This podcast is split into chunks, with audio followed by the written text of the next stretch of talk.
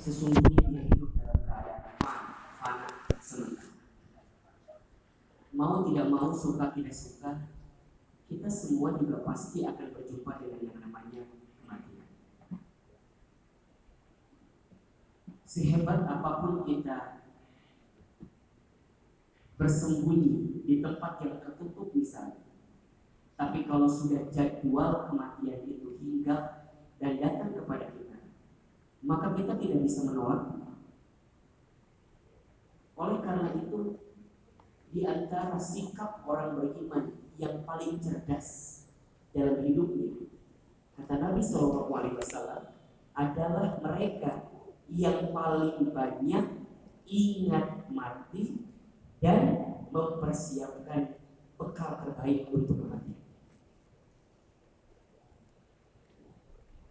Sikap orang beriman yang paling cerdas itu adalah dia yang paling banyak ingat mati dan mempersiapkan bekal terbaik untuk berjumpa dengan yang namanya kematian. Oleh karena itu, berbagai peristiwa terjadi dari mungkin dari mulai mungkin saudara kita yang wafat karena COVID-19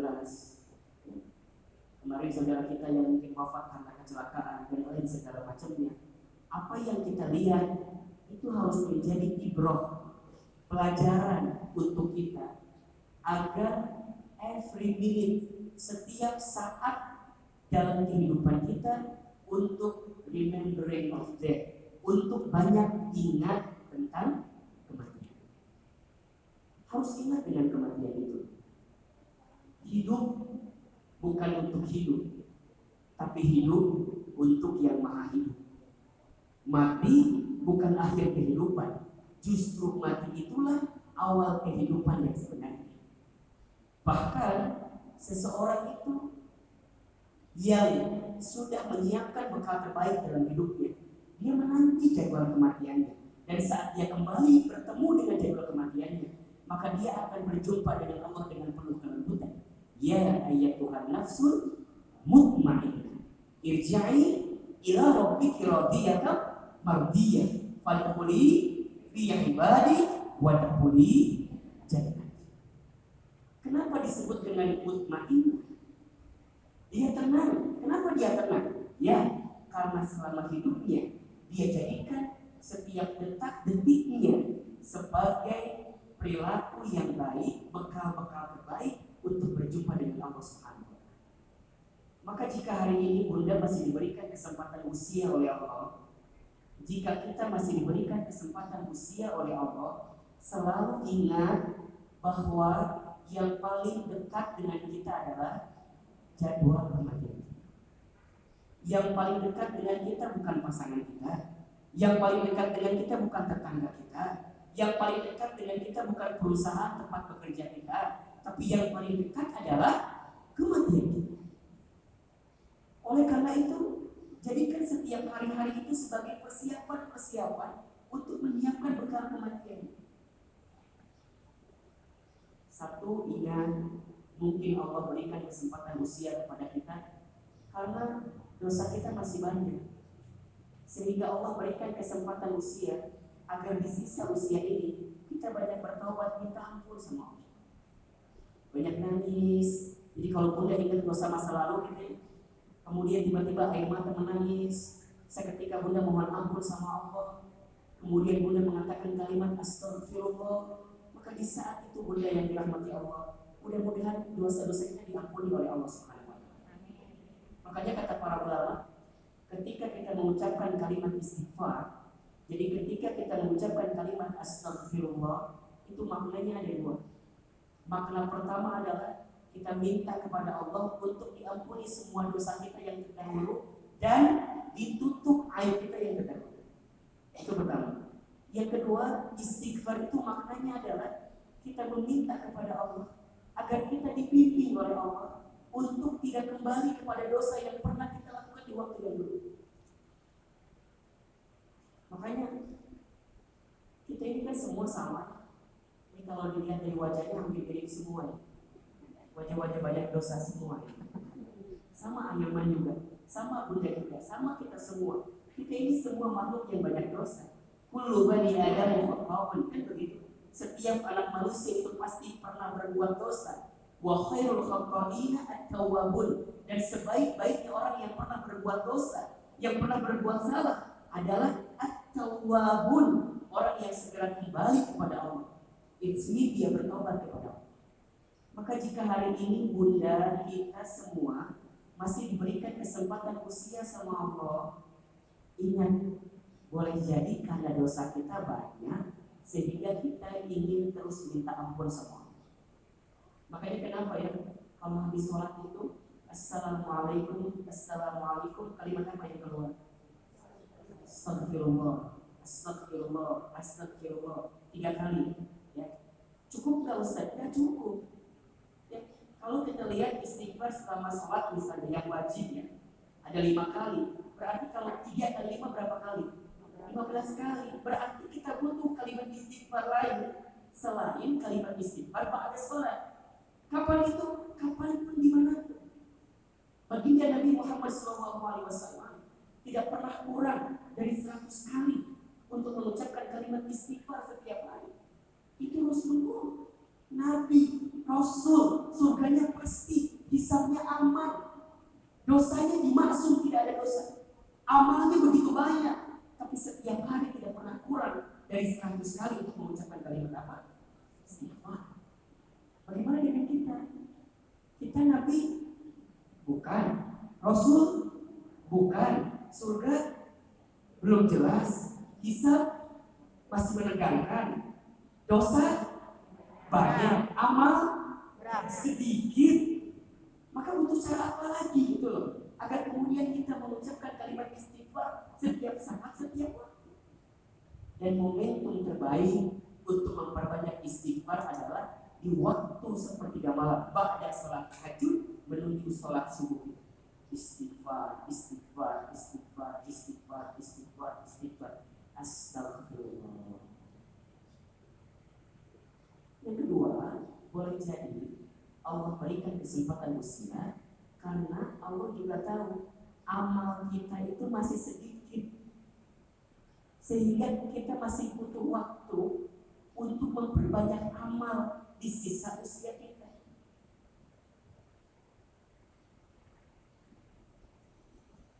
Ada satu ungkapan yang menarik. Kalau tidak salah ini dari Imam Syafi'i radhiyallahu. Ya. Kata Imam Syafi'i,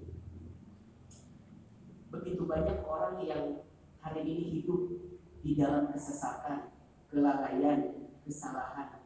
Padahal kain kafannya sedang ditenun untuk dipersiapkan saat dia berjumpa dengan kematian.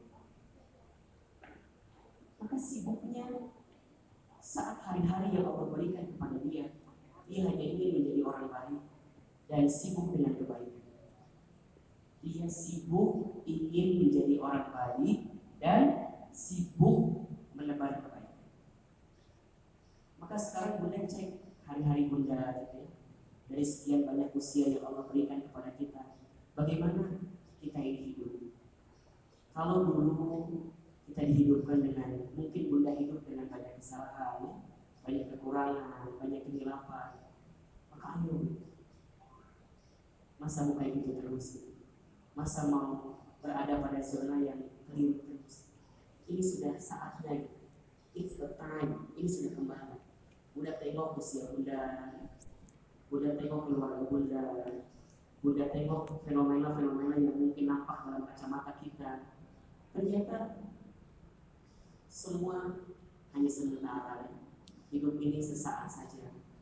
Kita akan kembali kepada Allah pada akhirnya. Dan orang beriman itu tidak takut mati orang beriman tidak cari mati tapi orang beriman selalu mempersiapkan bekal terbaik untuk berjumpa dengan kematian.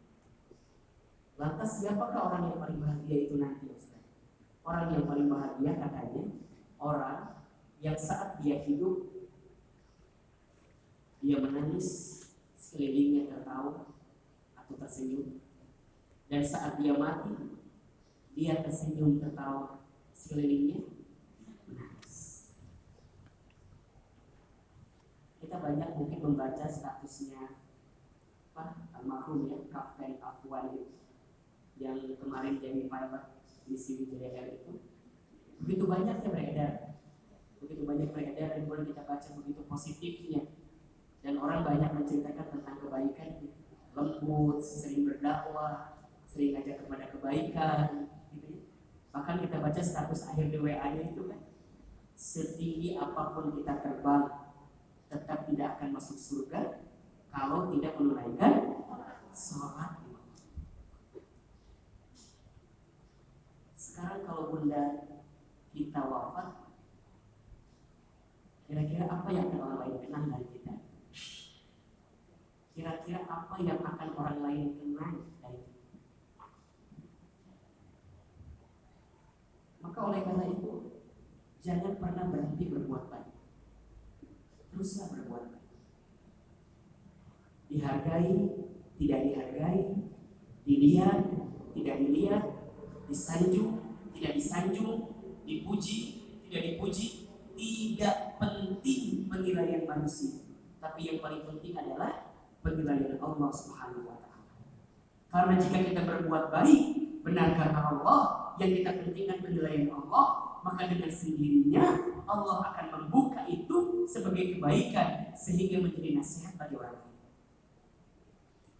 maka teruslah menjadikan sisa-sisa kesempatan usia yang Allah hadirkan ini untuk terus menguatkan kebaikan kita di hadapan Allah Subhanahu wa. Mudah-mudahan apa yang kita saksikan, apa yang kita lihat menjadi pelajaran untuk menjadi pelajaran untuk kita bahwa jika bunda hari ini dihadapkan oleh orang-orang yang tersayang mungkin wafat orang-orang yang kita lihat meninggalkan kita kita juga akan sama bertemu dengan jadwal kematian kita. Hanya beda waktu take off saja itu bahasa gampang hanya beda waktu apa take off saja saudara kita teman kita atau mungkin mohon maaf ibu saya ayah saya mungkin lebih duluan panggilnya oleh Allah Hilman kamu akan berangkat juga iya tapi kapan waktunya? Wallahu a'lam bishawab. Apa kesibukan kita saat ini? Siapkan bekal. Jika sudah saatnya pulang ke kampung sesungguhnya yaitu akhirat, kita pun siap menyiapkan bekal-bekal Bukan mudah-mudahan eh, di awal saya ingin menguatkan bunda ya. Kita masih dalam kondisi suasana pandemi juga. Saya mengingatkan untuk senantiasa menjaga iman, imun, dan aman ya iman, imun, aman. Iman, jagalah iman kita di hadapan Allah. Ibadah, sholat, baca Quran, ya, zikir, sudah menjadi keharusan yang tidak boleh bunda tinggalkan, terutama di saat-saat ini. Ya. Iman, karena benteng yang bisa menguatkan kita adalah iman. Bunda, mohon maaf ya, kalau iman kita lemah, kalau iman kita kurang, di tengah kondisi seperti ini bisa jadi kita pun akan frustasi menghadapi ini kan segala macam sekarang serba sulit barangkali mohon maaf ekonomi lebih sulit gitu ya anak-anak kita juga sekolah masih belum sekolah di, di sekolahnya masih di rumah masing-masing. Kondisi tubuh kita juga kadang-kadang ada perasa sakit atau gimana. Iman itu penting. Iman. Yang kedua imun. Bunda jaga kesehatan baik-baik makan yang teratur olahraga juga yang teratur, ya, istirahat juga yang teratur. Dan yang paling penting bunda, imun itu ngaruh banget dari suasana hati. Kalau suasana hati kita nggak karu-karuan itu ngaruh ke imun. Jadi gimana Ustaz? Kalau bunda ada perasaan jengkel sama orang, usahain istighfar, berusaha untuk melapangkan itu semua. Bunda kesal lapangin. Karena kalau dipikirin, diingetin, kemudian kita rasain itu jadi ngurangin kehidupan kita. Makanya kalau baca, baca yang positif-positif aja. Kalau baca sesuatu, baca yang positif. Kalau ikut di grup, ikut grup-grup yang positif. Kalau sekiranya ngeganggu perasaan hati, udah tinggalkan. Tinggalkan. Power, power apa? Power gak kuat. Gak kuat dan yang ketiga aman maksudnya kita harus mengamankan diri kita dengan menjaga protokol kesehatan yang baik tetap 3M menggunakan masker menjaga jarak dan juga mencuci tangan dengan sabun mudah-mudahan ya kita semua dipanjangkan umurnya oleh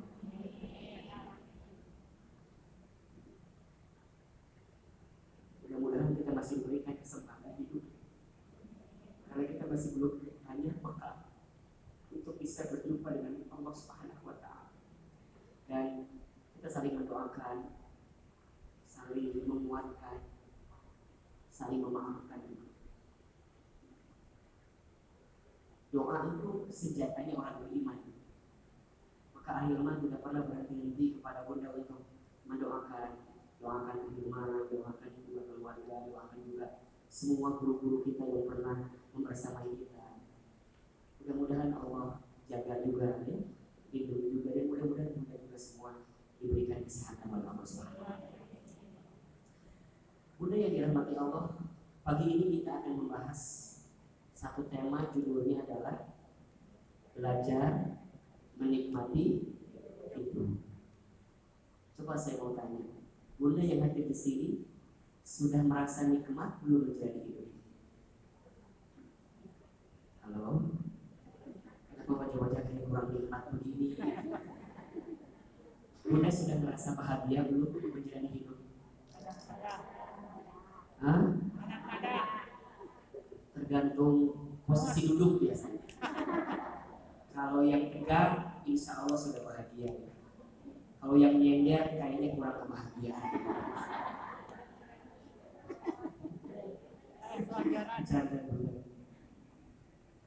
Kata Ibnu Qayyim al-Jauziyah rahimahullah ada tiga kunci atau tanda seseorang bisa mendapatkan kebahagiaan. Ada berapa? Ada tiga. Satu, tanda atau kunci seseorang yang akan bahagia adalah bersyukur ketika diberikan nikmat. Yang pertama apa? Bersyukur ketika diberi nikmat. Yang kedua, bersabar ketika ditimpa musibah atau cobaan.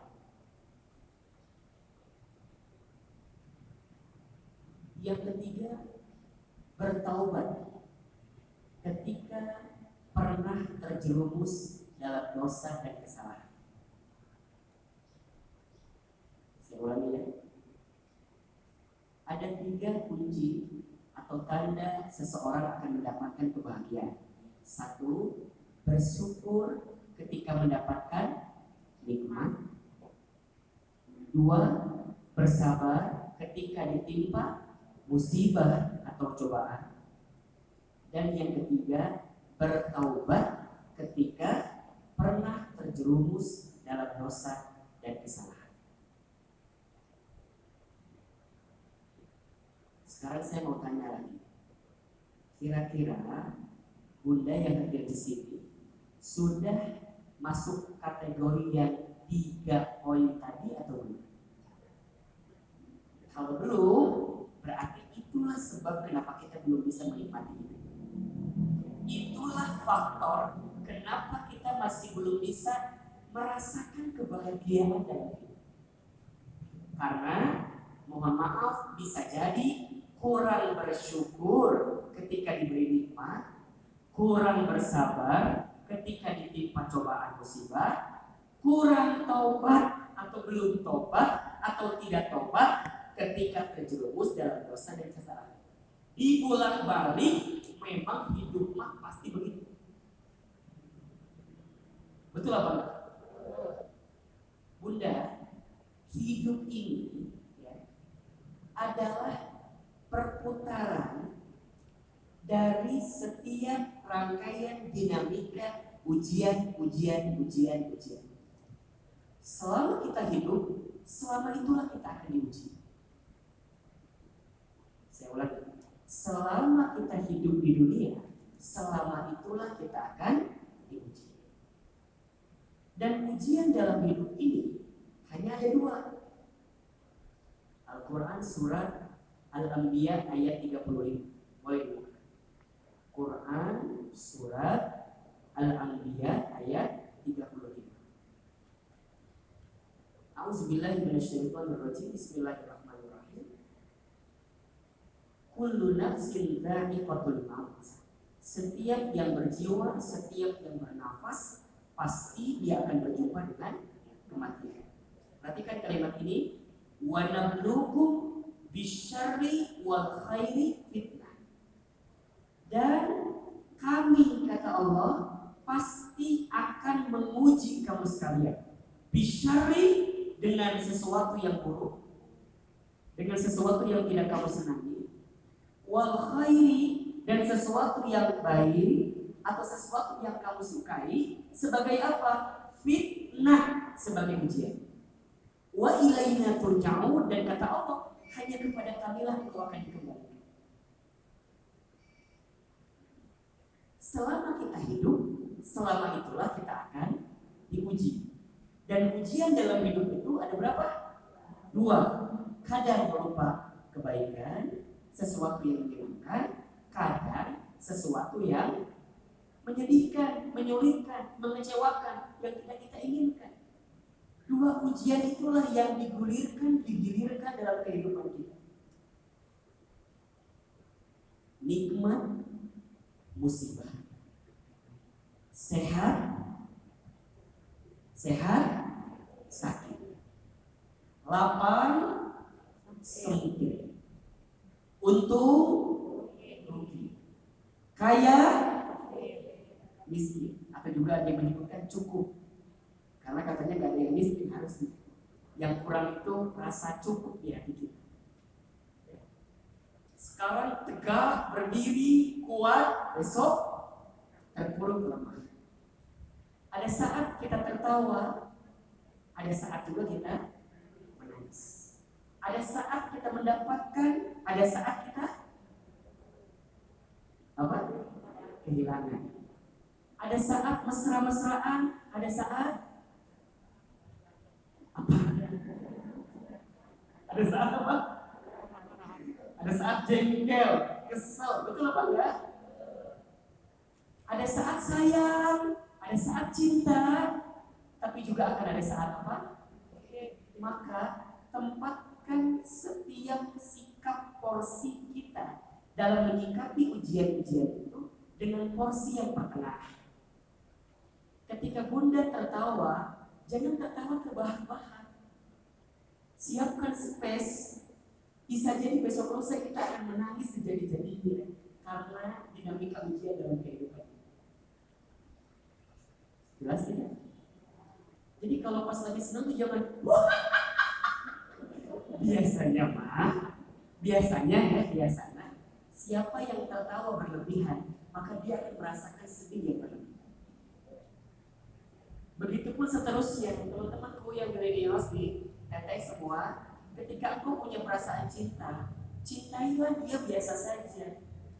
Karena bisa jadi engkau membencinya suatu saat dan perasaan cinta itu hilang karena engkau kecewa bukan? Halo? Betul tidak? Ah bunda aku mencintai suaminya berlebihan banget. Betul tidak? Tidak. Jadi tempatkan cinta itu biasa saja. Begitupun juga seterusnya. Tempatkan benci juga biasa saja. Jangan terlalu membenci seseorang. Karena boleh jadi besok lusa kamu mencintai. Betul tidak? Bunda punya suami, suami bunda mungkin mohon maaf berbuat sesuatu yang tidak bunda sukai. Jangan membenci seolah-olah menutup semua kebaikan. Kita ini kadang-kadang satu keburukan suami suka menutup banyaknya kebaikan yang pernah dilakukan. Betul apa enggak? Ada di sini orangnya. Yang mana orangnya?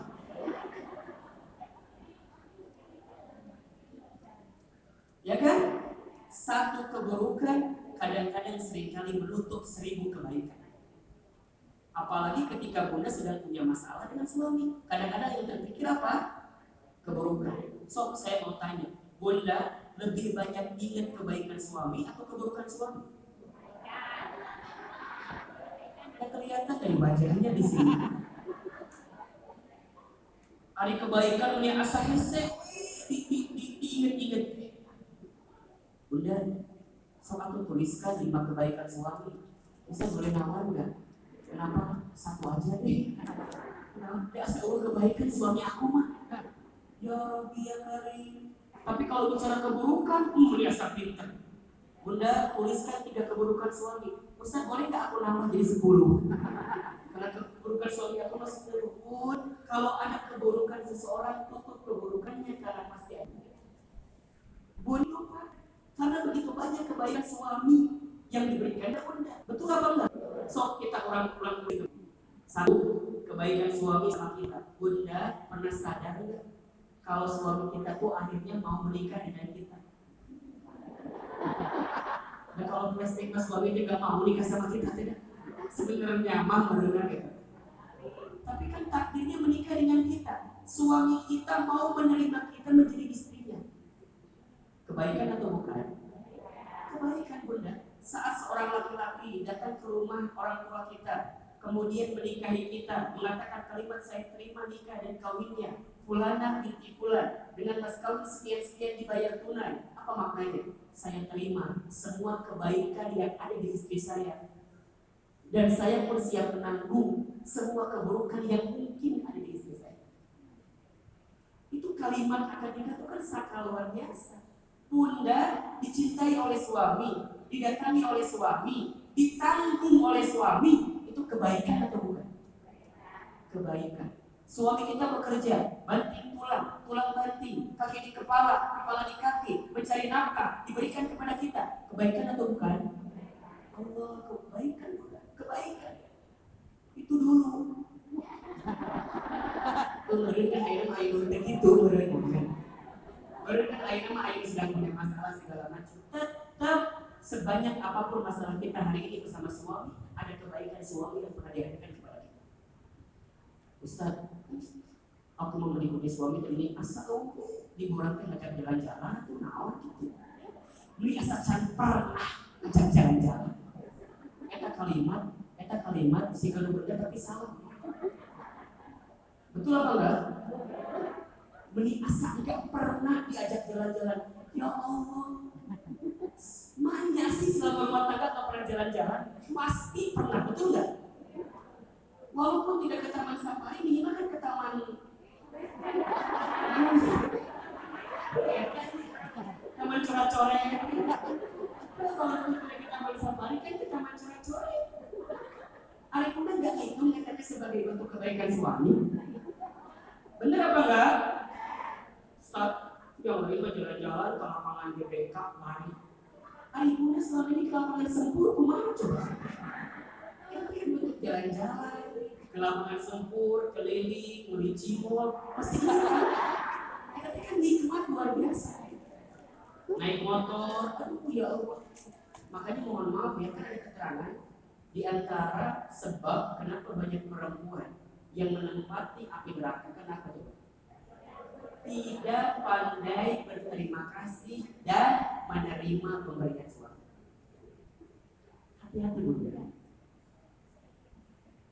Bunda udah bilang makasih belum sama suami hari ini? Baru kepikiran kan? Makanya Hilman itu suka bilang kan sering cerita saya bersama istri itu bunda ada dua sikap yang sering kami lakukan setiap hari. Satu, memulai hari dengan mengucapkan kalimat terima kasih. Menutup hari dengan mengucapkan kalimat jadi pagi-pagi kalau kita habis sarapan ya, atau pagi-pagi saya mau jalan, kita salaman, kemudian saya bilang makasih ya bunda. Istri saya juga bilang sama saya, makasih ya ayah. Sama anak, makasih. Terima kasih. Kenapa terima kasih? Karena barangkali ada sesuatu yang belum kita ungkapkan kepada pasangan kepada orang-orang yang kita sayang. Gitu. Termasuk sebelum tidur, kita bilang mohon maaf. Karena barangkali sehari ini dalam hidup ini kita pernah berbuat salah kita ingin menutup ya menutup hari-hari kita sebelum kita tidur kan tidur itu sebenarnya mati kita sedang mati sejenak, ya. Kita ingin minta maaf. Makanya bunda coba biasakan. Biasakan memulai hari dengan apa? Terima kasih. Menutup hari dengan apa? Kadang-kadang kita mau seharian teh berantem we terus. Pagi-pagi terus putar. Lu ini ribu tuh. Jadi buat tarik ngaji malah jadi nyin ribu. Ulah ribu gitu. Coba bunda memulai hari itu dengan sesuatu yang baik itu akan memulai kita dengan kebaikan-kebaikan. Nah, jika bunda belum mampu bersyukur dengan nikmat, dengan ujian, ya, ujian itu dibolak balik kan begitu. Maka kita akan paham bahwa memang hidup begitu. Ketika diberikan nikmat harus apa? Bersyukur. Ketika diberikan musibah kudu sabar. Ketika pernah buat salah kudu apa? Apa? Ya, Nah, dari tiga poin itu ada satu poin yang harus menjadi pedoman bagi kita, yaitu belajarlah untuk bersyukur dalam setiap keadaan apa pun. Akhirnya apa itu bersyukur? Bersyukur itu artinya berterima kasih kepada zat yang pernah memberikan dan terus memberikan sesuatu kepada kita. Berterima kasih terhadap sesuatu yang pernah kita dapatkan. Itu bersyukur. Begitu banyak yang harus kita syukuri dalam hidup. Sampai kadang-kadang kita lupa untuk tidak bersyukur dengan banyaknya kebaikan yang pernah kita apa faktornya? Karena kita lebih sibuk melihat apa yang menimpa kita daripada apa yang didapatkan oleh kita, terutama dalam kebaikan. Banyak di antara bunda yang gelisah ketika doanya belum dijawab. Kita lupa untuk tidak berterima kasih kepada sesuatu yang diberikan oleh Allah tanpa kita minta kepada Saya ulangi ya. Banyak di antara kita yang gelisah ketika belum mendapatkan apa yang kita inginkan. Ya, dalam doa terutama. Padahal banyak yang Allah berikan kepada kita tanpa kita minta. Betul atau tidak? Dan kita seakan-akan melihat itu bukan bagian dari nikmat, padahal itu adalah nikmat. Bunda minta A, tapi belum dikasih yang A itu. Kita lupa padahal ada B, C, D, E, F, G sampai Z yang Allah berikan kepada kita, yang tanpa kita minta kepada Allah, tapi Allah berikan kepada kita. Sudahkah kita bersyukur dengan itu atau belum? Berarti Qalilan ma tashkurun begitu banyak orang yang di dalam hidupnya Allah berikan nikmat nikmat nikmat tapi dia sedikit yang bersyukur kepada Allah Subhanahu wa taala. Banyak orang yang tidak bahagia bukan karena tidak cukupnya, bukan karena tidak mendapatkan apa yang diinginkannya, tetapi karena kurang bersyukur dengan apa yang dihadirkan Allah. Kurang berterima kasih kepada Allah. Maka bagaimana agar kita bisa belajar untuk bersyukur? Cara bersyukur itu yang paling mudah ada tiga bulan. Satu, asyukru bil qalbi, syukur dengan hati. Syukur dengan apa? Bagaimana caranya bersyukur dengan hati? Caranya adalah tanamkan di hati kita bahwa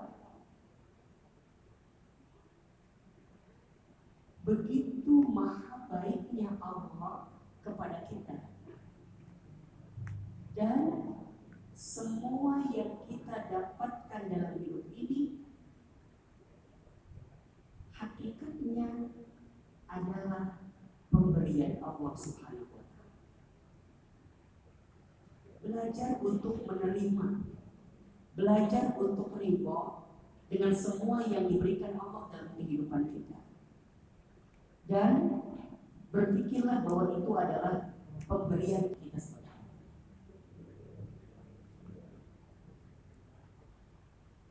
Punya kelapangan hati, menerima segala sesuatu yang sudah terjadi itu adalah nikmat yang luar biasa. Belajar lapang, belajar menerima, belajar sadar diri bahwa kita ini bukan siapa-siapa, bukan apa-apa yang didapatkan dalam kehidupan kita semuanya adalah pemberian Allah Subhanahu wa taala. Jika semua adalah maka Bunda akan yakin yang Bunda dapatkan dalam hidup itu adalah semuanya kebaikan. Yakin apa? Tadi saya nulis di status saya. Bersyukur itu bukan hanya karena semua baik-baik saja. Tapi bersyukur itu karena kita meyakini ada sisi baik di balik sesuatu yang tidak baik kita dapatkan. Saya ulangi. Bersyukur itu bukan hanya karena semuanya baik-baik saja. Tapi bersyukur itu saat kita meyakini selalu ada sisi baik di balik sesuatu yang terjadi dalam kehidupan Jadi artinya semua yang Allah hadirkan di dalam kehidupan kita selama kita bersyukur dengan hati berarti kita meyakini bahwa semua adalah kebaikan dari Allah Subhanahu wa Tolong catat baik-baik ya. Semua yang baik menurut kita manusia belum tentu baik menurut Allah. Tapi semua yang baik menurut Allah pasti baik untuk kita manusia. Banyak di antara bunda, banyak di antara kita yang sering kali mengukur sesuatu itu baik atau tidak sesuai dengan logika kita, betul Contoh, punya suami soleh itu baik apa enggak? Baik atau tidak? Kita kita akan merasa meyakini bahwa itu adalah kebaikan. Sekarang saya balik, punya suami yang kurang soleh itu baik atau tidak? Apa jawabannya? Kita akan jawab dengan cepat tidak, ya kan? Ujungnya kita ngeluh, ujungnya kita marah-marah, ujungnya kita jengkel, menyalahkan keadaan. Kita lupa bunda, boleh jadi Allah masih menyimpan kebaikan di balik keadaan suami kita yang mungkin tidak kita inginkan. Apa di balik kebaikannya? Mungkin Allah sedang siapkan pahala kepada kita karena kita masih bersama dengan suami kita walaupun suami kita tidak sesuai dengan apa yang kita inginkan. Halo, jelas tidak? Jelas tidak? Jadi kalau sekarang bunda punya suami yang kurang soleh, baik atau tidak? Jadi balik ini qadarullah pasti ada kebaikan. Di hati yakin bahwa kita akan mengucapkan kalimat ya yang kedua asyukru bil lisan, syukur dengan lisan. Alhamdulillah. Belajar untuk menikmati hidup. Ustaz, tapi kan kumaha aku udah suami aku tuh yang kurang soleh, udah jengkel aku teh, udah berkali-kali minta, sebab kumaha Allah, dan dicabut ayuna mangga, Kan kadang-kadang kita mah keselnya dengan keadaan begitu. Bunda lupa kalau Asia binti Muzahim itu diberikan pahala rumah di surga karena apa coba? Karena sabar punya suami seperti Fir'aun. Betul atau tidak? Nabi Nuh alaihi salam itu diberikan pahala dimuliakan oleh Allah karena sabar kepada kaumnya dan juga sabar kepada istri dan anaknya dan kemudian dia mendapatkan kebaikan tetap mengatakan kalimat Alhamdulillah semuanya dari Allah sehingga Allah berikan keadaan Bunda kalau yakin di hati qalbi. Semua yang terjadi karena izin Allah, atas izin Allah, maka kita akan selalu menerima melihat itu dengan kacamata husnuzon, dengan kacamata baik. Tapi kan Ustaz, kita mah kadang-kadang ya tidak pandai melihat itu. Makanya kudu belajar. Makanya judul kita? Belajar menikmati hidup. Kalau ada di antara nikmat yang Allah titipkan kepada kita belum kita syukuri, maka belajarlah untuk mensyukurinya. Mulailah hari ini mengatakan di hati, kita bukan siapa-siapa, kita bukan apa-apa. Kalau seandainya bunda hari ini diberikan apa pun oleh Allah, kita hanya dititipi aja sama Allah. Hanya dititipi sama Allah. Saya ulangi ya, hanya dititipi sama Allah kalau yang nitip mau ngambil apa yang dititipkan boleh apa enggak? Boleh tergantung yang nitipin sama kita.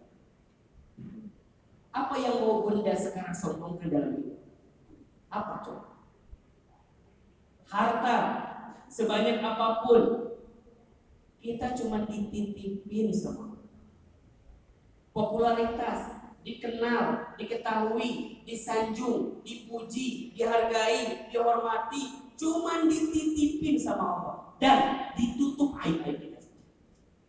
Kalau seandainya dibuka, kalau seandainya diambil, apa yang mau kita sombongkan? Belajarlah untuk melihat sesuatu itu dengan kacamata syukur, dengan kacamata nikmat. Banyak orang yang gelisah dengan nikmat yang dia dapatkan dalam hidup, tapi dia tidak pernah gelisah dengan rasa syukur yang belum dia hadirkan dalam hidupnya. Nikmat Allah itu banyak gak banyak? Banyak atau sedikit? Banyak aja banyak banget. Banyak banget. Masalah yang kita hadapi banyak atau sedikit? Sedikit Saya ulangi, nikmat Allah banyak atau sedikit? Masalah yang kita hadapi banyak atau sedikit? Jawab nikmat Allah itu banyak, masalah yang kita hadapi sedikit. Itu rumus kata Al-Quran. Walanabluwannakum bisyai'in min. Ada kalimat min dan pasti kami akan menguji kamu sekalian bisyai'in dengan sesuatu min dari sedikit. Al sedikit ketakutan. Al-ju'i sedikit kelaparan. Ya kan? Wa naqsi minal amwal sedikit kekurangan harta. Wal anfus sedikit kegoncangan kekurangan jiwa. Wal samarat sedikit kekurangan harta buah-buahan sedikit masalah kita itu sedikit nikmat Allah. Jangan dibalik. Ya Allah. Dikit-dikit hidup aku yang dibayar apa? masalah. Kita lupa di waktu yang bersamaan nikmat Allah. Sok. Ketika bunda berdoa itu nikmat atau bukan? Bunda sedang punya masalah. Bunda bisa doa itu nikmat? Itu nikmat. Nikmat bukan hanya pada ijabah doa saja, bukan hanya dikabulkan doa saja, tapi bunda saat punya masalah diberikan kesempatan untuk berdoa itu nikmat. Pernah kita bersyukur itu? Pernahkah kita berterima kasih kepada Allah dengan keadaan itu? Bahkan ketika bunda ditimpa masalah dan saat bunda ditimpa masalah, membuat bunda langsung ingat dengan Allah, nikmat atau bukan? Nikmat, karena begitu banyak orang yang ditimpa masalah tidak ingat sama Allah. Nikmat atau bukan? Nikmat.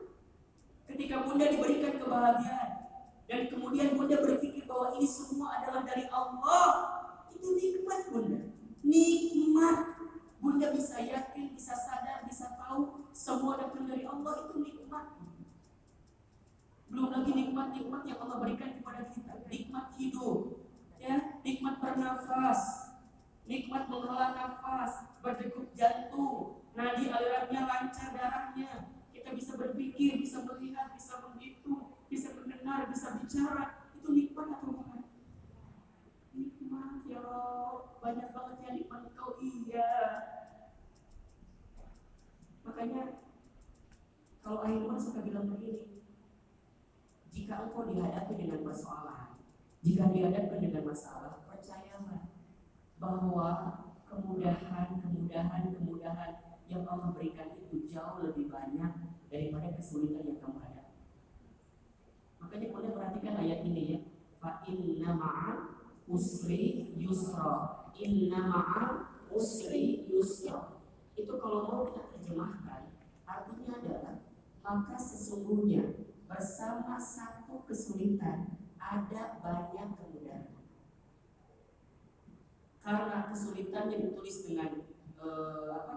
Ditulis dengan ma'rifat, sedangkan kemudahannya ditulis dengan kalimat nakirah. Ma'rifat itu maknanya satu, nakirah itu maknanya banyak. Artinya satu kesulitan buahnya apa? Banyak kemudahan. Dan Allah ulang-ulangi kalimat itu dua kali kan. Fa inna ma'al usri yusra. Inna ma'al usri yusra. Satu kesulitan ada banyak kemudahan. Bersama satu kesulitan ada banyak kemudahan. Maka percayalah tanamkan di hati sifat untuk berterima kasih kepada Allah. Ya, bahwa semua ini adalah pemberian nikmat dari Allah. Faskuruni azkurukum washkuruni wala Ingatlah kepadaku, maka aku akan ingat kepada. Bersyukurlah kepadaku, maka janganlah aku menjadi orang-orang yang kufur. Yang kedua, syukur dengan apa? Lisan. Asyukur bil qalbi, syukur dengan lisan. Bagaimana caranya? Say, Alhamdulillah. Katakan, Alhamdulillah. Untuk apa pun yang kita dapatkan hari ini, katakan Alhamdulillah.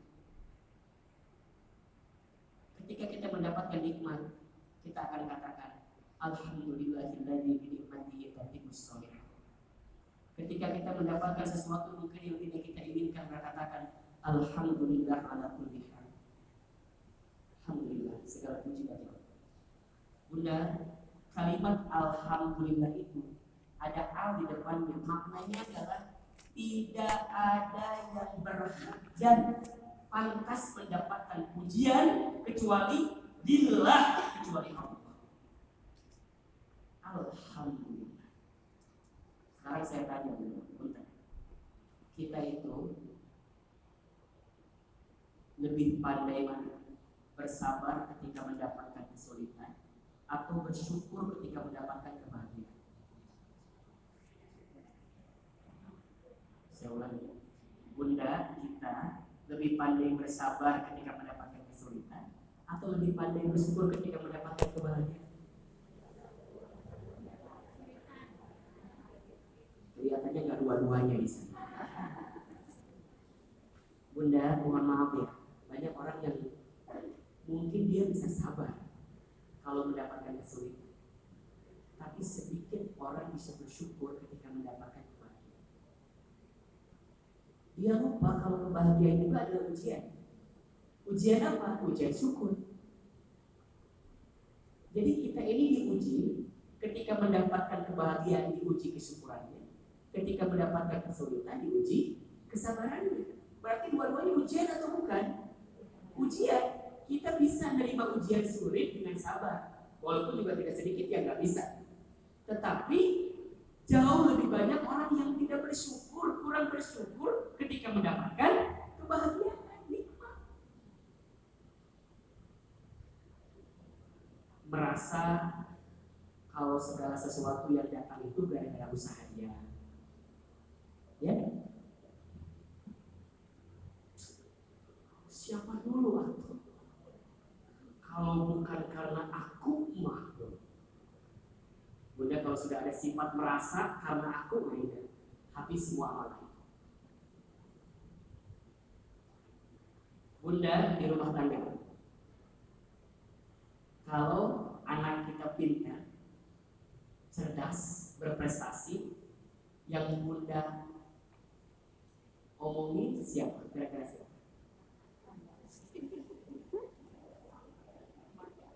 Ayah ayah ayah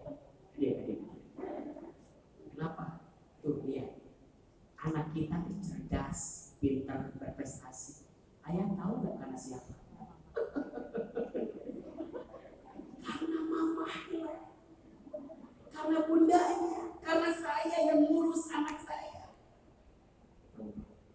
Bunda selama jadi ibu, Bunda mendidik anak Bunda, kemudian anak Bunda mendapatkan kebaikan yang Bunda lihat dalam hidupnya. Bunda gara-gara aku, gara-gara saya, Allah hati-hati, khawatir hilang semua amal baik.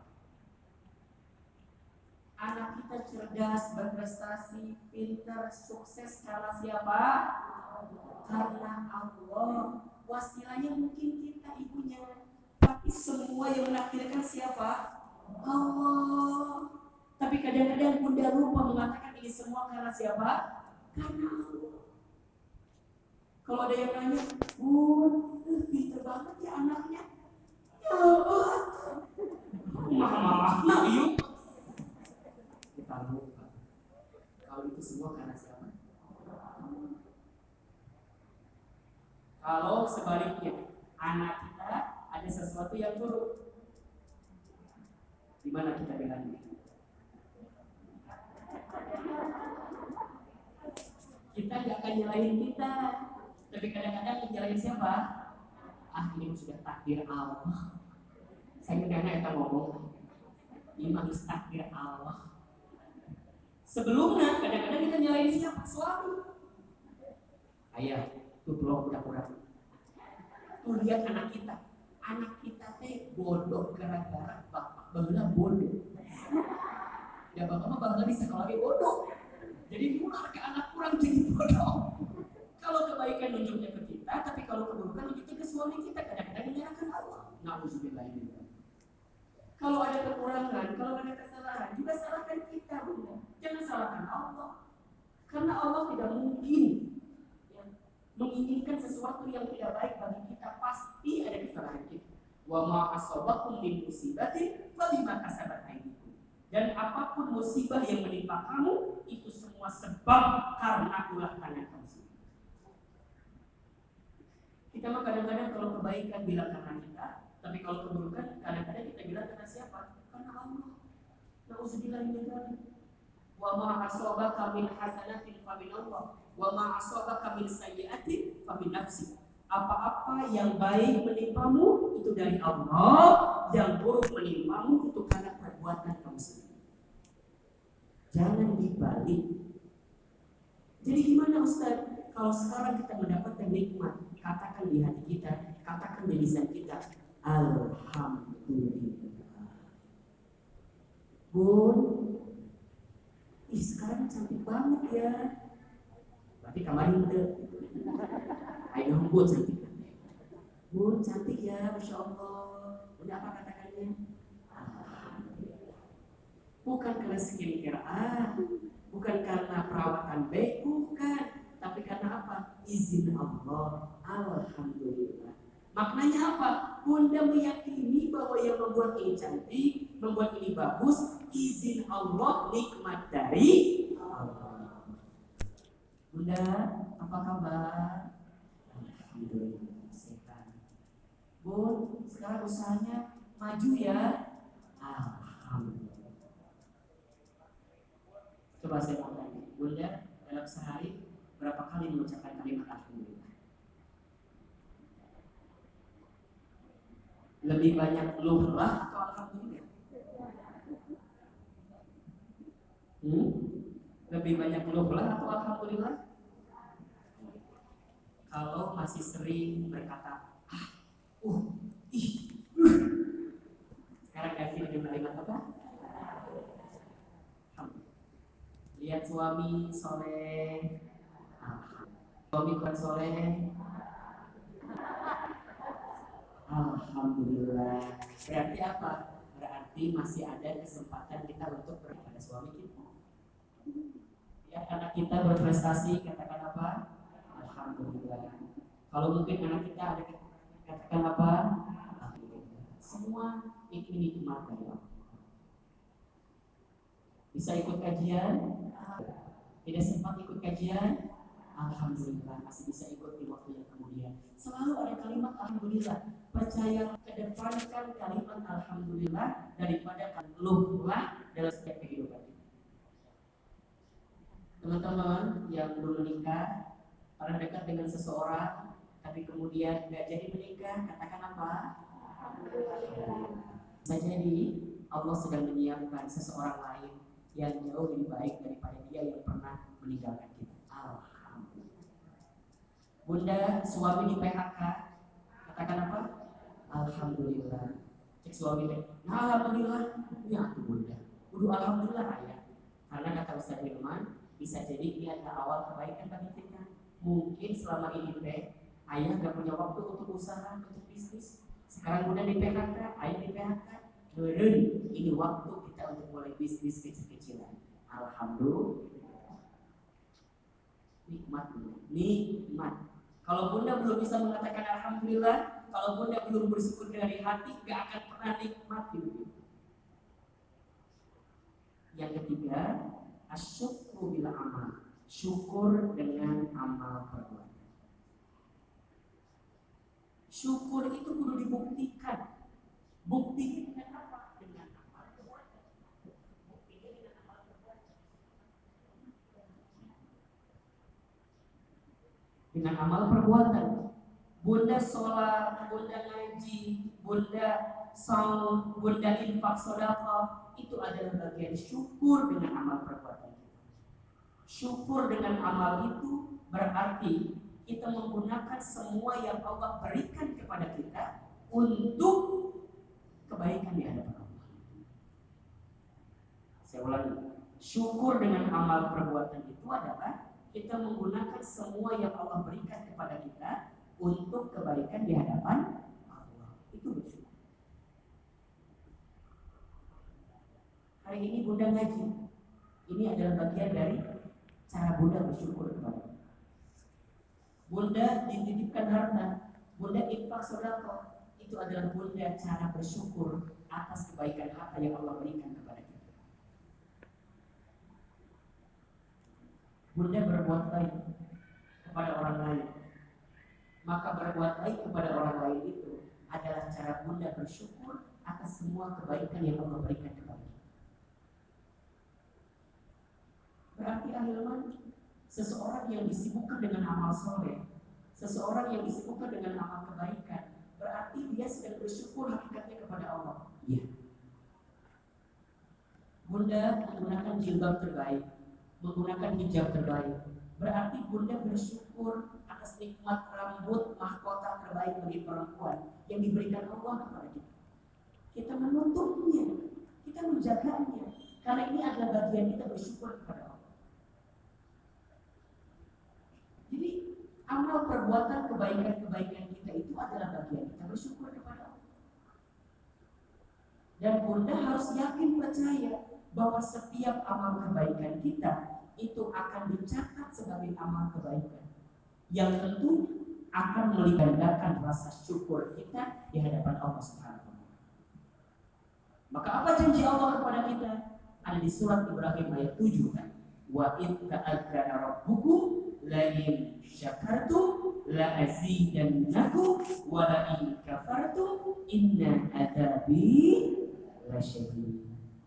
Dan apabila Tuhanmu Allah Subhanahu wa taala memberitahukan kepada kamu sekalian, jika kamu bersyukur.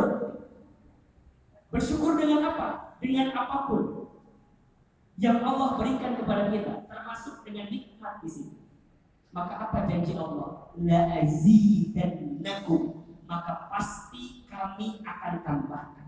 Apa yang akan Allah tambahkan? Nikmat untuk merasakan hidup yang bahagia. Saya ulangi ya. Jadi nikmat yang ditambahkan itu bukan nikmat kalau kita bersyukur dengan rezeki ditambahin rezekinya itu hanya bagian kecil.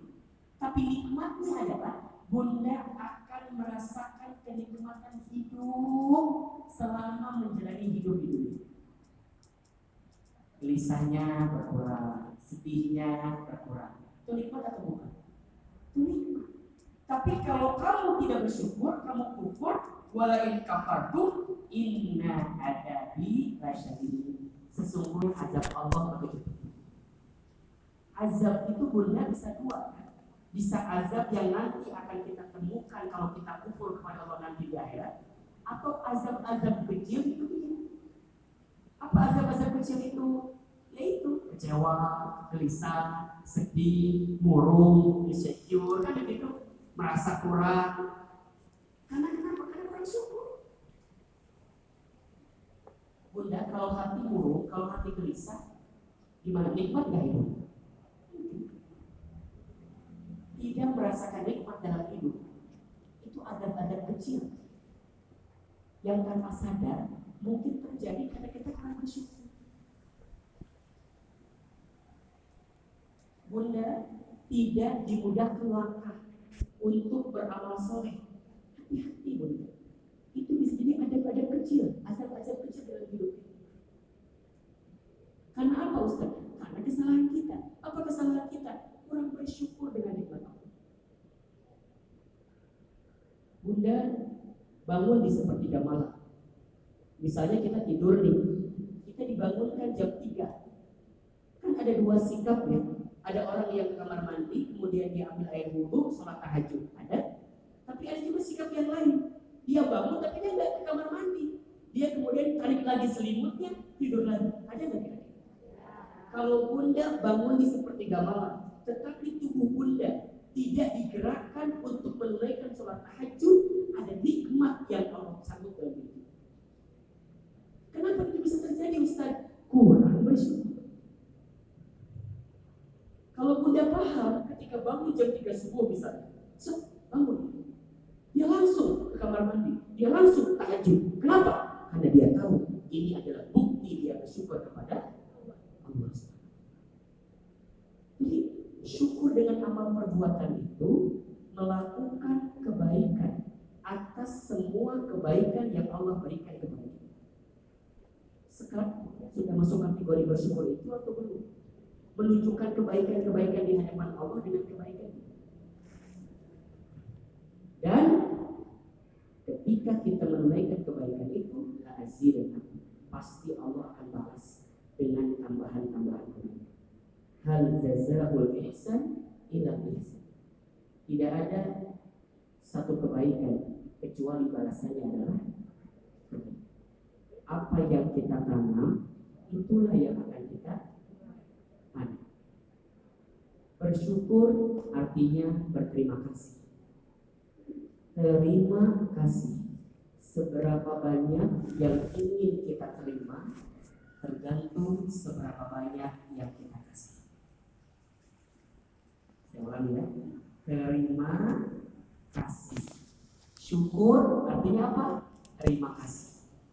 Seberapa banyak yang ingin kita terima tergantung seberapa banyak yang kita kasih. Banyak yang kita kasih, banyak kita persembahkan, banyak amal yang kita berikan kepada Allah Subhanahu wa taala, maka itulah yang akan kita dapatkan, kita terima dalam kehidupan kita berupa nikmat. Jika hari ini Bunda kita semua masih belum bisa menikmati setiap skenario kehidupan kita, bisa jadi faktornya karena kita kurang bersyukur dengan apa pun yang Allah berikan kepada kita. Jika bunda ingin menikmati hidup, jika ingin belajar menikmati hidup, belajarlah untuk selalu bersyukur, berterima kasih kepada Allah Subhanahu wa taala dengan apa yang diberikan. Satu, bersyukur dengan apa? Hati, belajar ridho, belajar menerima, ya belajarlah bahwa sesuatu yang Allah hadirkan dalam hidup ini pasti yang baik pasti baik wa asa an takrahu syai'a wa huwa khairul lakum. Wa asa an tuhibbu syai'a wa huwa syarrul lakum. Wallahu ya'lamu wa antum la ta'lamun boleh jadi kamu membenci sesuatu. Padahal itu sangat baik untuk boleh jadi kamu mencintai sesuatu. Padahal itu sangat buruk untuk Allah mengetahui sedangkan kamu tidak mengetahui. Al-Baqarah 216. Ahilman kalau mendapatkan sesuatu dalam hidup selalu belajar untuk menerima aja. Menerima. Menerima karena Allah tahu mana yang terbaik untuk kita.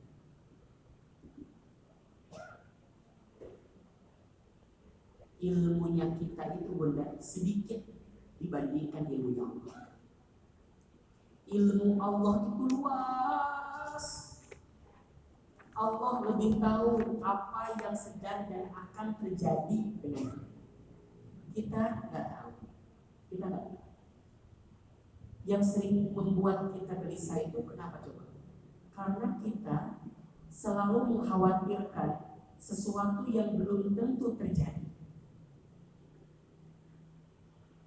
Dan kita pikirkan saat ini. Itu yang sering kali membuat kita gelisah. Betul.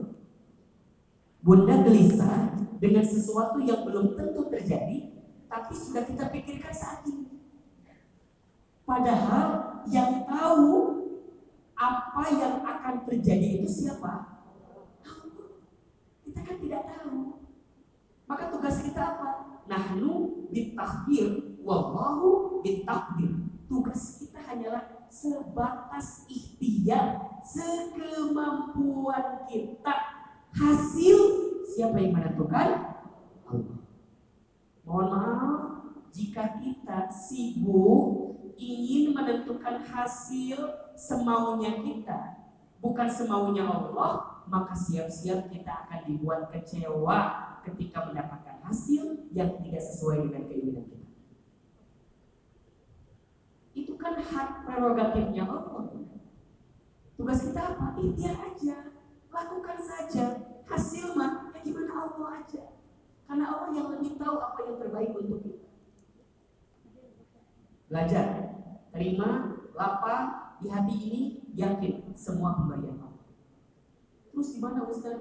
Kalau dikasih nikmat sih mungkin kita enjoy aja ya, tenang aja. Tapi kalau dikasih sesuatu yang menyedihkan, apakah kita harus tetap bersyukur? Karena kenapa? Badai pasti berlalu. Ujian itu kan enggak terus ujian kan? Pasti ada saatnya selesai ujian itu. Yang membuat seseorang tidak lulus ujian bukan karena soal. Tapi karena apa? Jawaban yang membuat seseorang tidak lulus ujian bukan karena soal tapi karena jawaban yang membuat kita tidak berhasil menyikapi setiap ujian hidup itu bukan karena ujian hidupnya tapi karena sikap kita menghadapi ujian. Jadi gimana ahilman? Fa inna ma'al usri yusra inna ma'al usri yusra. Badai pasti berlalu hujan pasti reda. Akan ada saat ketika kita hari ini sulit bisa jadi besok kita akan bahagia. Nah, dan yang ketiga, biar kita bisa ridho dan iman, la yukallifullahu nafsan illa usaha. Percayalah, Allah tidak akan pernah memberikan beban kepada kita kecuali Allah tahu kemampuan. Pun, kalau hari ini Bunda merasa beban Bunda lebih berat daripada beban orang lain, maka percayalah karena Allah tahu bunda-bunda lebih kuat daripada orang lain.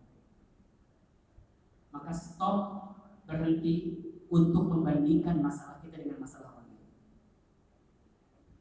Stop berhenti. Jangan bilang, tuh kamu mah enak ya cuy, misalnya, misalnya cerita misalnya. Cerita kamu mah enak banget, hidup kita nggak ada masalah. Aku mah melihat Allah, diuji sama suami aku, mana usaha aku juga sekarang lagi sulit, anak aku juga bermasalah, aku juga badan tidak ada dada kumaha, kok bunda teh masalahnya banyak gitu ya. Bun, kenapa bunda yang mendapatkan masalah itu? Karena Allah tahu bunda-bunda kuat dibanding orang lain. Kenapa bunda diuji dengan suami bunda? Karena bunda kuat sebagai istri yang bisa menerima suami bunda yang keadaannya mungkin tidak sesuai dengan apa yang bunda inginkan. Kenapa bunda diuji dengan anak bunda? Karena sesuai dengan kemampuan bunda. Kenapa bunda diuji dengan bisnis, usaha, dagang yang selama ini kita jalani? Karena Allah tahu bunda-bunda kuat dan akan semakin kuat kalau di hati kita menerima semua adalah pemberian dari Allah Subhanahu wa taala. Yang kedua, asyukur bil lisan. Mulai katakan alhamdulillah. Nikmati. Nikmati. Bukankah kalau sudah bangun dari tidur kalimatnya alhamdulillah kan? Alhamdulillahillazi ahyana ba'dama amatana wa ilaihi nusyur. Bunda habis makan, kalimatnya apa? Alhamdulillahillazi at'ama wa taqona wa ja'alna minal muslimin. Ya, Bunda percayalah banyak yang Allah berikan kepada kita tanpa kita minta, tapi kita lupa bersyukur mengatakan alhamdulillah dengan apa yang Allah berikan kepada kita. Dan yang ketiga, bersyukurlah dengan amal perbuatan. Bersyukurlah dengan ibadah kita. Bersyukurlah dengan amal saleh kita. Barang siapa yang mempersembahkan amalan terbaik di hadapan Allah, maka Allah akan balas semua amalan terbaik itu dengan pemberian-pemberian terbaik dari Allah Subhanahu Boleh jadi jika hari ini kita belum dapatkan apa yang kita inginkan, mungkin masih ada yang kurang. Kurang apa? Kurang syukur di hadapan Allah Subhanahu wa. Nikmatnya sudah ada, rizkinya sudah ada, tapi kenapa kita belum bisa dapatkan? Bukan belum bisa mendapatkan, kita belum bisa bersyukur mendapatkan apa yang Allah. Kadang sesuatu yang berarti itu tidak harus banyak dan besar jumlahnya. Saya ulangi ya. Kadang sesuatu yang berarti itu tidak harus besar dan banyak jumlahnya. Tapi sesuatu yang berarti itu adalah sesuatu yang bisa membuat kita semakin ingat dengan yang memberinya, yaitu Allah Subhanahu Kita tidak akan pernah mendapatkan sesuatu yang banyak kalau kita belum bisa bersyukur dengan yang sedikit. Kita tidak akan pernah mendapatkan yang banyak kalau kita belum bersyukur dengan yang sedikit. Maka jika hari ini kita masih diberikan sesuatu apa pun itu, seberapa sedikit pun itu, bersyukurlah. Karena setelah kita bersyukur, akan ada kebaikan-kebaikan yang jauh lebih besar yang akan kita dapat. Bunda, syukuri keberadaan suami kita di rumah. Kalau Bunda bisa bersyukur dengan suami yang ada di rumah, maka Allah akan titipkan kelembutan hati kepada Bunda untuk mampu menikmati hari-hari menjadi istri dan suami. Bunda punya anak di rumah. Bagaimanapun keadaan anak-anak bunda, syukur, sayangi. Allah akan membalas semua kebaikan bunda kepada anak-anak bunda. Walaupun tidak hari ini, walaupun tidak sekarang, bisa jadi nanti setelah bunda wafat, anak muda justru akan menjadi anak yang baik dalam hidup. Jangan menyumpahi sesuatu dengan kalimat negatif. Jangan berkata-kata yang buruk. Ya. Jangan menjudge, menghakimi sesuatu dengan sesuatu yang buruk. Jangan. Katakan. Apa tadi? Alhamdulillah. Berjalanlah dalam kehidupan di dunia ini sebagaimana engkau ingin diperjalankan dalam kehidupan akhirat dengan keadaan. Siapa pun yang mengistimewakan Allah dalam hidupnya, maka Allah akan istimewakan dia dalam hidupnya. Saya ulangi. Siapa pun yang mengistimewakan Allah dalam hidupnya, maka Allah akan istimewakan dia kalau tidak di dunia, pasti di akhirat. Sekarang pertanyaannya, Bunda ingin dimuliakan pasti. Bunda ingin diistimewakan pasti. Sudahkah Bunda mengistimewakan Allah dalam? Sudahkah Bunda mempersembahkan amalan-amalan terbaik yang khususnya bersyukur di hadapan Allah dengan apa yang kita dapatkan saat Maka yuk apa pun yang kita hari ini dapatkan jadikan sebagai bentuk dan cara untuk bersyukur kepada Allah Subhanahu wa taala. Ada berapa bersyukur itu? Tiga ya. Satu syukur dengan apa? Diterima, ridho, apa? Yang kedua, syukur dengan lisan. Katakan kalimat apa? Alhamdulillah. Dan yang ketiga, syukur dengan apa? Amal. Amal. Mudah-mudahan kita digolongkan menjadi hamba-hamba Allah yang bersyukur, menjadi hamba-hamba Allah yang bisa menerima setiap keadaan. Sebelum akhir tutup, jika ada yang mau bertanya, silakan. Ada yang mau diobrolin? Ibu-ibu yang mau bertanya seperti biasa apa saja sambil menunggu dari ibu yang ada di sini Ustaz ada pertanyaan dari ibu bagaimana menghilangkan rasa kesedihan pada saat pertama kali terjadi ujian atau musibah bagaimana caranya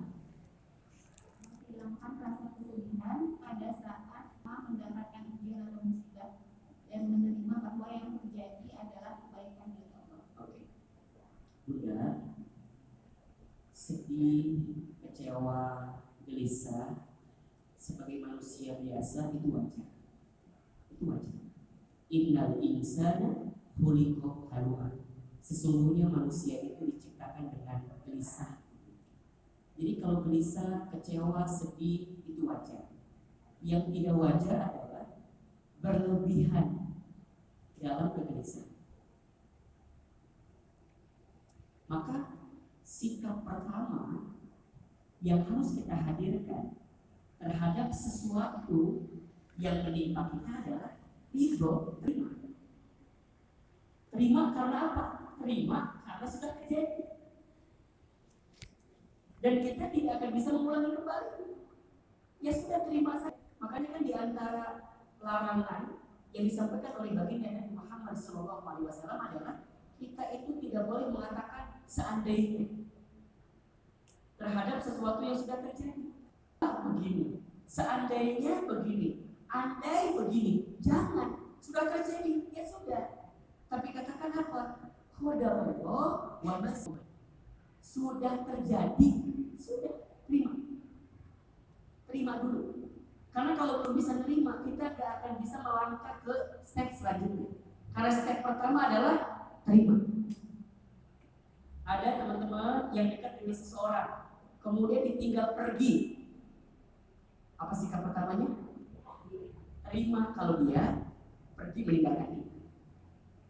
Jangan kemudian, uh, teman apal kia nggak mau kenal sama dia. Udah kenal apa belum? Udah kenal apa belum? Udah. Udah pernah dekat apa belum? Udah, ya udah. Uh, menapal kia mas suami aku nggak mau nikah sama suami aku. Udah nikah atau belum?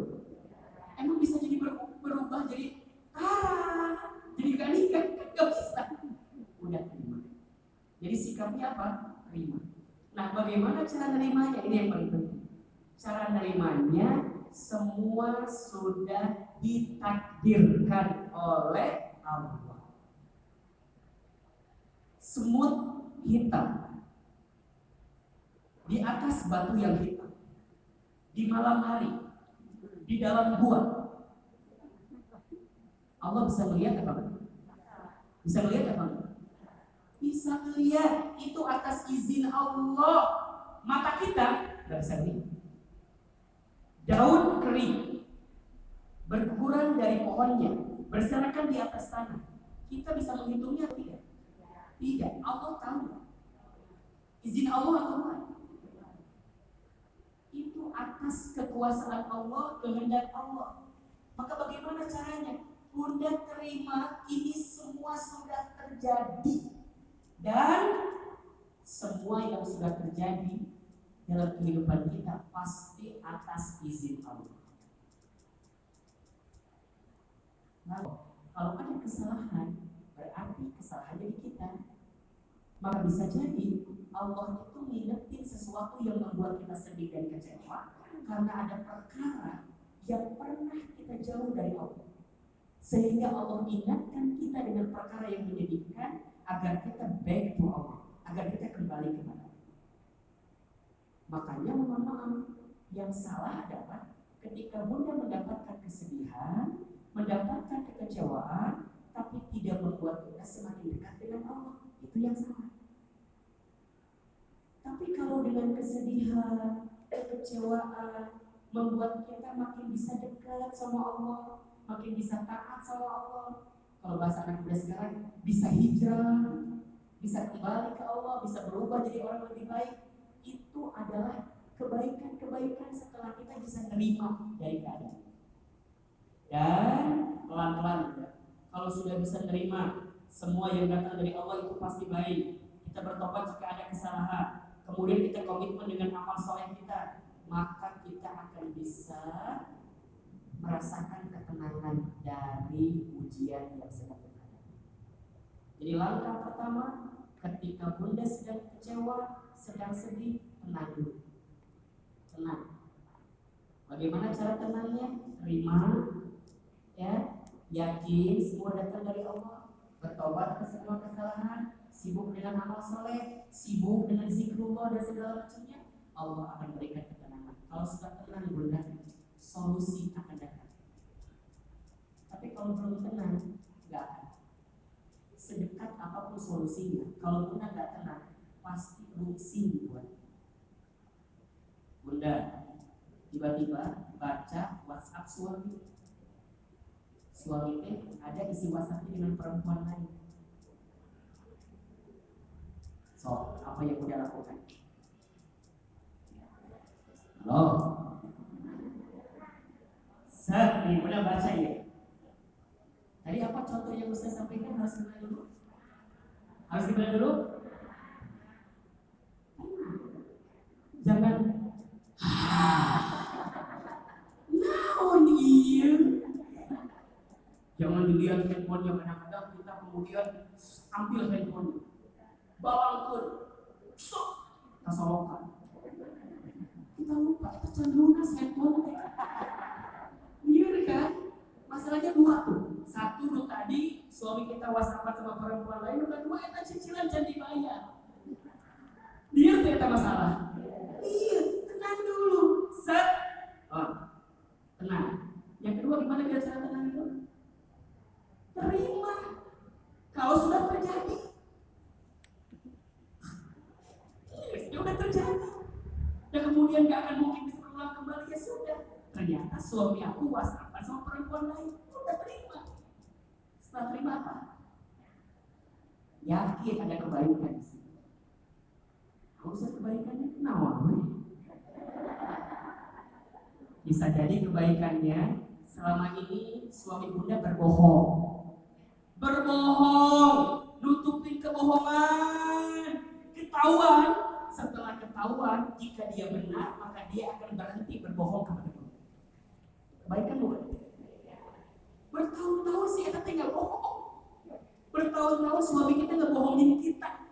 Itu kan buruk bunda. Pas ketahuan sama bunda, berarti di saat itu adalah awal suami kita bisa berhenti berbohong kepada kita.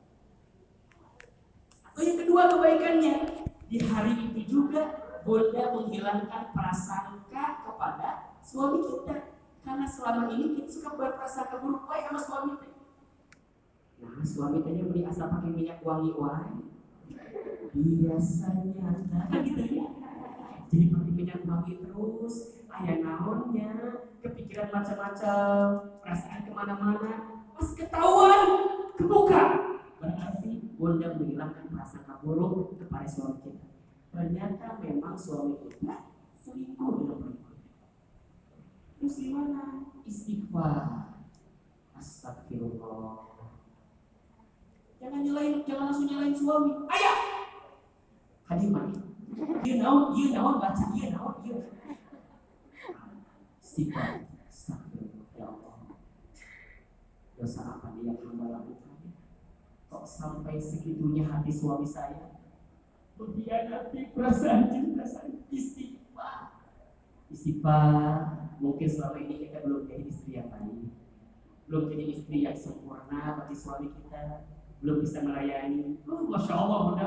Kalau sudah masuk level itu bunda bunda akan mulai bicara dengan suami. Udah tenang udah terima, yakin ada yang terbaik, bertobat kepada Allah, bunda langsung ngobrol sama suami. Ayah, kenapa mak? Ayah, kenapa? Ayah.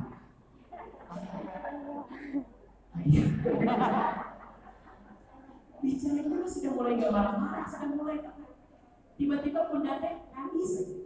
Bunda, ada perkataan yang tidak harus dikatakan tapi dia bisa berkata dengan tangisan yang keluar di air mata. Tiba-tiba udah nangis, suami udah nanya, udah cerita nih, kenapa kamu nangis? Gak kuat. Bunda kemudian cuma kirimin satu gambar, ayah baca. Uh, langsung. Hmm, bunda, mohon maaf. Kalau suami kita soleh, Tapi biasanya masih kalau kitanya lembut ya harusnya juga lembut. Ya kalau nggak kemudian ayah, bunda mau tanya, ini tuh benar apa enggak? Emang kenapa? Baca. Siapa ini? Si Mona teh siapa?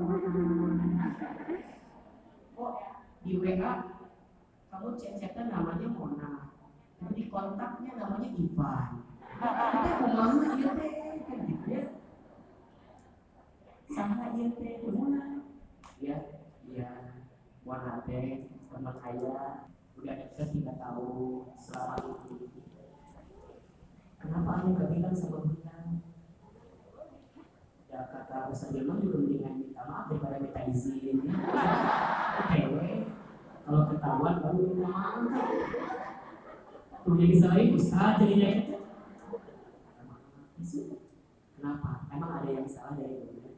Ada yang kurang dari? Oh, kalau sudah begitu bunda tuh jadi dari macam jadi enak gitu. Gak akan bikin macam-macam gitu ya. Gak akan kenapa ini kenapa bisa terjadi kenapa udah terima. Dan ini juga harus belajar memang gak mudah. Kudu riyadhah, kudu terus menerus belajar belajar belajar. Seseorang jika sudah masuk pada makom riyadhahnya yang sudah tinggi, maka apa pun yang bisa kita dapatkan dalam hidup akan dilihat dengan kacamata yang kacamata yang ini.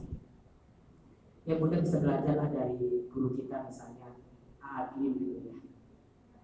Kalau saya menyaksikan video beliau, ya beliau, itu rasanya makom untuk menerima keadaan sudah sudah sangat tinggi gitu. Diuji sini, diuji sini, ini, ini. Ya, itu yang terlihat. Dan saya juga yakin sih mulai di sini ada yang sudah masuk pada makom. Jadi saat ditimpa kekecewaan, ditimpa kesedihan, pertama apa? Tenang dulu. Tenang. Gimana caranya tenang? Terima. Yakin ada yang sesuatu yang baik, bertobat sama Allah, isi dengan amal-amal kebaikan. Pasti. Dan hidup ini itu bukan gelap terus ya. Malam juga pasti ada habisnya.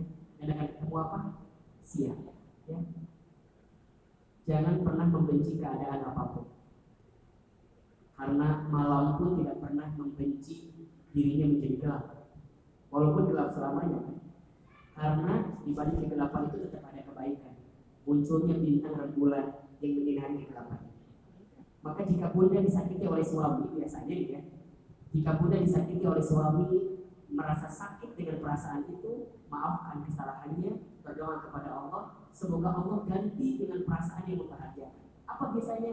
Anak, sama anak dibahagiai, anak kita berprestasi, anak kita menjadi sesuatu yang menjadi penyejuk hati dalam kehidupan kita. Jadi selalu akan ada apa yang namanya balancing gitu. Akan ada penyeimbang yang Allah berikan kepada kita. Ketika kita bahagia, siapkan space untuk sedih. Saat kita sedih, siapkan space juga untuk bahagia. Hidup ini bukan orang lain yang mengaturnya, tapi kita yang bisa mengaturnya. Suami bunda sekuat apa pun bunda sudah berbuat, tapi suami bunda dengan kelakuannya begitu, tetap tidak bisa, tetap tidak akan bisa dirubah gitu. Hanya Allah yang bisa melembutkan hatinya. Maka bunda jangan sibuk ngoyo minta sama suami, tapi sibuk minta sama siapa? Ya Allah, Engkau yang membolak-balikan hati, balikkan hati suamiku menjadi hati yang lebih baik ya. Kalau sudah nyerahin sama Allah, berarti bunda yakin apa yang terjadi pun itu yang terbaik dalam kacamata Allah dan untuk kita. Jelas kira-kira? Belajar ya, riyadhah. Akhirnya juga sama, sama-sama belajar. Lanjut masih ada? Ada dua lagi. Nah, boleh Ustaz. Bagaimana Pak Ustadz dengan orang yang tidak bisa mau merubah sifat atau akhlak yang tidak baik dan tutur kata yang tidak baik. Kemudian satu lagi. Assalamualaikum Ustadz. Kalau kita pernah menyesal akan suami atau pernikahan, dosa enggak? Kalau dosa, bagaimana cara menghapus dosa tersebut? Apa ada amalan zikir doanya selain salat taubat? Terima kasih. Wassalamualaikum. Waalaikumsalam warahmatullahi wabarakatuh. Bunda, pertanyaan pertama barusan. Kita itu tidak bisa merubah orang lain. Yang bisa kita rubah siapa? Diri kita sendiri. Jika Bunda melihat seseorang yang berbuat buruk, Bunda tidak bisa merubah keadaan buruk dari dia. Yang bisa Bunda rubah adalah bagaimana cara pandang Bunda melihat keburukan itu. Jelas kira-kira? So, kalau Bunda lihat ada seseorang yang berbuat buruk, apa sikap kita? Tidak sedikit di antara kita yang memilih sikap membenci dia. Betul apa enggak? Padahal mohon maaf, jika kita melihat ada seseorang yang berbuat buruk, jangan benci dia, tapi benci keburukannya. Beda kan? Beda. Antara membenci dia dengan membenci keburukan, beda. Kalau bunda melihat seseorang yang berbuat buruk, membenci dia, maka di hati bunda tidak akan punya keinginan untuk mendoakannya. Bencilah keburukannya, tapi jangan benci dia. Jangan benci seseorang yang berbuat buruk. Karena kenapa? Hakikatnya setiap manusia itu dilahirkan dalam keadaan baik. Berarti hakikatnya setiap manusia itu ingin menjadi baik. Kalau ada seseorang yang berbuat tidak baik, karena ada alasan bisa jadi. Yang kita nggak tahu alasannya apa, yang membuat dia menjadi tidak baik. Contoh, Bunda melihat ada sahabat Bunda atau teman Bunda yang awalnya pakai jilbab, kemudian dilepas. Apa sikap kita? Hmm? Maaf, tidak sedikit di antara kita yang langsung menjudge yang langsung menghakimi sesuatu yang buruk untuk diri kita tidak pernah tahu boleh jadi dia harus melepas jilbab itu karena ada alasan yang memukul dia yang membuat dia harus melangkah melepaskan jilbab maka apa sikap terbaik kita? Stop menjudge stop menghakimi. Kalau bisa doakan dulu pertama kali. Dan yang kedua datangi dia temui dia tanya baik-baik. Daripada kita sibuk menjadi dia di sosial media daripada kita sibuk mengomentari dia di sosial media tanya sis saya kenapa kok sampai dilepas begitu? Dia akan cerita begini begini begini begini begini. Ujungnya ketika dia cerita bunda berikan kesadaran kepada dia dia mudah-mudahan bisa berubah. Saya khawatir bunda mohon maaf ya saya khawatir. Kalau bunda menjudge kesalahan dia membuka jilbab kemudian karena judge kita kepada dia karena penghakiman kita kepada dia membuat dia trauma dengan jilbabnya ujungnya dia tidak akan menggunakan jilbab lagi sampai sepanjang hidup gara-gara apa? gara-gara trauma karena omongan dan ucapan berarti yang dosa siapa? bisa jadi dosa dia melepaskan jilbab dibanding dosa kita yang menghakimi dia lebih besar dosa kita karena kemudian dia trauma tidak menggunakan jiwa baik karena ucapan. Jelas kan? Kalau ada orang yang berbuat buruk, benci keburukannya, tapi jangan benci orangnya. Tugas kita adalah untuk ila sabili rabbika. Ajak. Ingat ya, dakwah itu artinya apa? Mengajak, menyampaikan, mempengaruhi. Itu dakwah. Dakwah itu mengajak, bukan mengejek. Dakwah itu merangkul bukan memukul. Dakwah itu menyayangi bukan menyayangi. Dakwah itu mencintai bukan menyakiti. Dakwah itu menasehati bukan melukai. Ingat, menasehati berarti ada kalimat apa? Sehat. Ada kalimat apa? Sehat. Kalau ada orang yang kita nasehati jadi sakit, berarti ada masalah ya? Ada gak orang yang kita nasehati jadi sakit? Ada gak? Ada berarti ada yang salah. Makanya perintahnya apa? Bil hikmah. Dengan hikmah wal mau'izatil hasanah dengan pelajaran yang baik. Wajadilhum billati dia ahsan. Jika dia mendebat kita, debatlah dia ahsan dengan sikap terbaik. Jadi apabila kita melihat seseorang yang berbuat buruk, tetap doakan karena masih ada harapan kebaikan darinya. Ya, sama juga Bunda. kalau bunda juga mungkin lihat suami, lihat anak-anak kita, tetangga kita, ada yang berbuat buruk, maka doakan dan berikan sentuhan-sentuhan yang bisa membuat dia lebih baik daripada sebelumnya. Yang kedua pertanyaannya, Ustaz, boleh nggak kita menyesal atas pilihan yang pernah terjadi? Jika penyesalan itu bisa membuat kita semakin sadar untuk lebih mendekatkan diri kepada Allah, maka boleh. Menyesal bukan karena tidak menerima takdir Allah. Kalau bunda menyesal dengan semua yang terjadi sampai menyalahkan keadaan, nauzubillah menyalahkan Allah, itu yang tidak boleh. Tapi kalau menyesal dengan semua yang terjadi, diambil sebagai cermin, sebagai pelajaran untuk melangkah ke depan, itu boleh. Tapi yang namanya menyesal jangan lama-lama. Kecuali menyesal pada dosa kita. Jika bunda sudah pernah berbuat dosa, maka step pertama taubat itu apa? Menyesal. Taubat itu menyesal. Menyesal pernah berbuat dosa itu. Dan itu sudah terjadi. Maka apa nextnya? Berhenti dan tinggal. Ulah sampai nyesel iya, tapi gak tinggal tinggalin. Aku menyesal. Udah ngomongin orang lain. Tapi hanya ceiga loh di sana yang sering ngomongin orang lain aku nggak seneng ngomongin orang lain kita kan kan ngomongin batu merengan jadi kalau sudah menyesal stepnya apa berhenti bunda misalnya pernah menyesal membangkang kepada suami maka tugasnya apa hari ini sesali perbuatan itu berhenti melakukan hal yang sama dan bunda isi ke depan dengan kebaikan-kebaikan karena setiap kebaikan kita hari ini bisa menutupi semua keburukan kita di masa lalu. Ya, dan menjadi manusia itu harus banyak menyesal.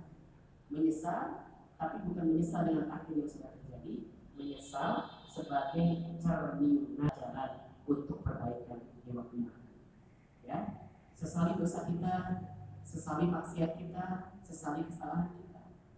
Semakin dalam menyesalinya, maka semakin kuat kita untuk berusaha meninggalkan. Kalau kita belum bisa menyesal, kita akan berat untuk meninggalkan perbuatan.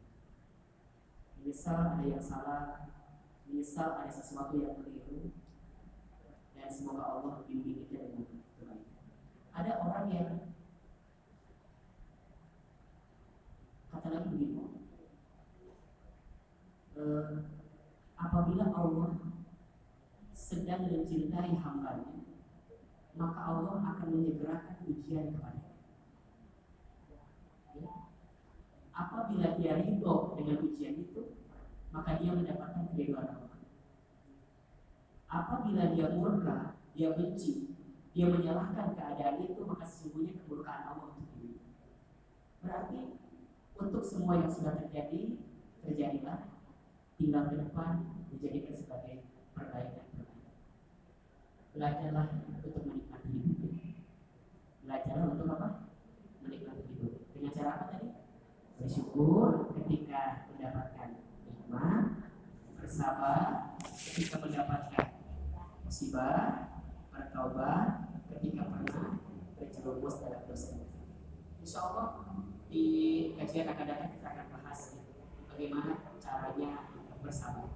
Ini kan sudah bersyukur ya, caranya bersabar apa itu sabar? Buah sabar itu apa? Kalau kita sabar mendapatkan apa? Sabar itu ada batasnya atau enggak? Jadi kita akan bahas di waktu-waktu yang akan mungkin ya kalau agama memang temanya ya gini-gini aja lah saya emang nggak mau bikin bunda ribut ya? Yang kita aja yang bisa bunda pelan-pelan amalkan kalau itu terakhir mari sama-sama kita akan kedua tawakan kita kita berdoa kepada Allah. Semoga Allah menguatkan hati kita. Allah membimbing hidup kita. Dan Allah bersama setiap aktivitas. Ikhwan kuliah,